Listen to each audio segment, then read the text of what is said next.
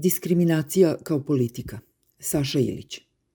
Ako su patike sa buvljaka, onda se one u urbanom slengu zovu šiptarkama. Ako je neko ružan, onda ima šiptarsku facu. Ako je izbeglica sa Kosova, onda je to šiptar. Ako profesor u školi održi predavanje o toleranciji, onda on dobija nadimak šiptar.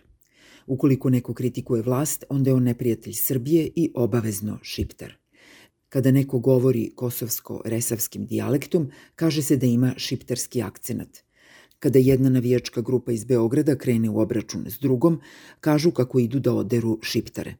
Ukoliko dođe do protesta neke obespravljene manjine, kaže se da je došlo do šiptarizacije te zemlje kada Aleksandar Vulin kao ministar vojni tokom 2019. izjavi da se zalaže za što hitnije i što sigurnije razgraničenje sa šiptarima, onda on ne misli ništa dobro o albanskim susedima na Kosovu.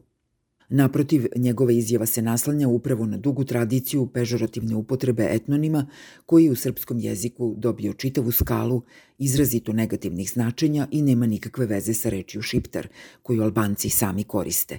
Zato kada Vulin kaže šiptar i kada kosovska ministarka spoljnih poslova Meljizi Haradina iz Stubla kaže šiptar, to nije isto. To vrlo dobro zna i ministar Vulin, koji je u oktobru prošle godine kosovsku ministarku namerno nazvao šiptarkom. Tokom tog meseca Vulin je imao čitav niz rasističkih istupa, jer ovaj termin u srpskom jeziku dehumanizuje entitet koji se njime označava. U nedostatku politike, dijaloga i pravih odgovora, srbijanski političari vrlo često posežu za ovakvom vrstom diskriminacije albanskih sagovornika. To naročito rade oni političari koji su bili ili su i dalje zaduženi za koordinaciju odnosa sa Kosovom. Marko Đurić, aktuelni ambasador Srbije u SAD-u, koristio je ovaj pogrdni termin u svojim zvaničnim izjavama u vreme dok je vodio Kancelariju za Kosovo i Metohiju, na čijem čelu je prethodno bio Aleksandar Vulin. Zbog ovakvog Vulinovog ponašanja i korišćenja rečnika mržnje u zvaničnoj komunikaciji sa albanskim političarima, predsednik Nacionalnog saveta Albanaca Ragmi Mustafa podneo je tužbu protiv njega u junu 2019. Poštovanje manjina je i zakonska i ustavna obaveza vlade, a poštovanje i prihvatanje drugog je preduslov za demokratsko društvo. U jednoj demokratskoj vladi i demokratskoj državi svaki ministar koji neprestano vređa manjine u javnosti barem će biti razrešen. Albanci nisu krivi zato što vlada Srbije nema demokratske kapacitete, rekao je tom prilikom Mustafa. Ispostavilo se da ova konstatacija o nedostatku demokratskog kapaciteta pogađa suštinu odnosa Vučićeve politike prema Albancima na Kosovu, ali i u Preševu. Uskoro će se navršiti devet godina od njegovog preuzimanja odgovornosti za sprovođenje procesa normalizacije između Srbije i Kosova, ali od svega toga nije bilo ništa, osim što je mržnja narasla do te mere da ministri koji javno vređaju Albance ne samo da ne bivaju sankcionisani, već i pred sudom bivaju abolirani. Poslednji put kada se ovakva tužba našla pred nekim sudom u Srbiji bilo je početkom 2017 kada je po tužbi inicijative mladih za ljudska prava protiv informera apelacioni sud u Beogradu doneo presudu da se termin šiptar smatra politički nekorektnim i uvredljivim sadržajem u srpskom jeziku za pripadnike albanske nacionalnosti koji žive na Kosovu i Metohiji.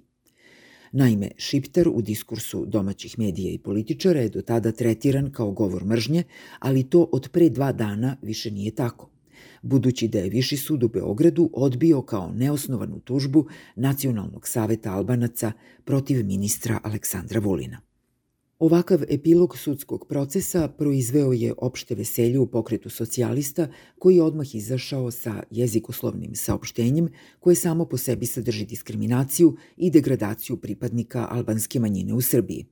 Pod naslovom Velika pobeda srpskog jezika i zdravog razuma, Vulinova partija je poručila sledeće. Kada bi Ragmi Mustafa iz Nacionalnog saveta Albanaca Srbije bolje znao srpski jezik i istoriju srpskog naroda, onda mu nikada ne bi palo na pamet da tuži Aleksandra Vulina za upotrebu reči šiptar, reči koja je došla iz njegovog jezika i kojom i on sam sebe tako zove. Uz neizostavnu pretnju kada bi Šajb Kamberi, koji prima poslaničku platu od građana Srbije, više cenio i poštovao zemlju koja mu je dala sve u životu, Ne bi onda nezakonito pozivao strance da pritisnu srpsko pravosuđe zato što sudi po zakonu i što nije osudilo Vulina zato što govori srpski jezik. Dakle, radi se o otvorenoj diskriminaciji albanske manjine u Srbiji koja je sada i sudski legitimizovana. Nakon Vulinove odbrane srpskog jezika, svaki pojedinac, grupa ili zajednica može da se služi rečnikom mržnje prema manjinama bez straha od sankcionisanja. Za Aleksandra Vučića i Janu Brnabić ovo ne predstavlja nikakav problem, budući da i sami učestvuju u ovom kolektivnom ponižavanju Albanaca – Oni svakako stoje iza dubokog razumevanja za srpski jezik i kulturu, onako kako ih razume Aleksandar Vulin, koji se silno obradovao kada je čuo za tužbu Ragmija Mustafe. Ovo je kompliment za moju doslednost i upornu borbu za istinu, rekao je ministar Vulin tom prilikom. Do duše ističući da je to samo njegov stav, a ne stav vlade niti predsednika Vučića.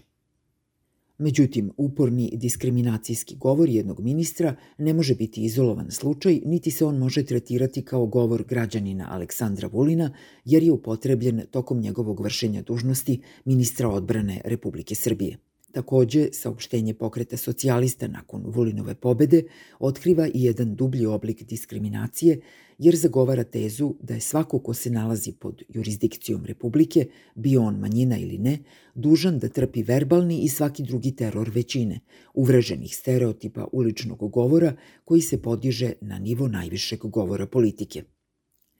Zato oni pozivaju albanske političare da bolje nauče srpski i pokažu veće poštovanje prema zemlji koja im je dala sve u životu.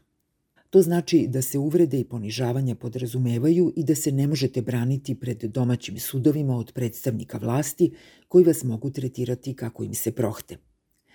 Tužba koja je stigla iz Nacionalnog saveta Albanaca, međutim, iako proglašena neosnovanom, govori nešto suprotno – Ona je znak da Albanci u Srbiji, kao i ostale manjine, veoma dobro znaju i srpski jezik i kulturu, kako onu zvaničnu, tako i nezvaničnu, uličarsku i navijačku, koja je postala deo političke kulture Vučićeve vlasti.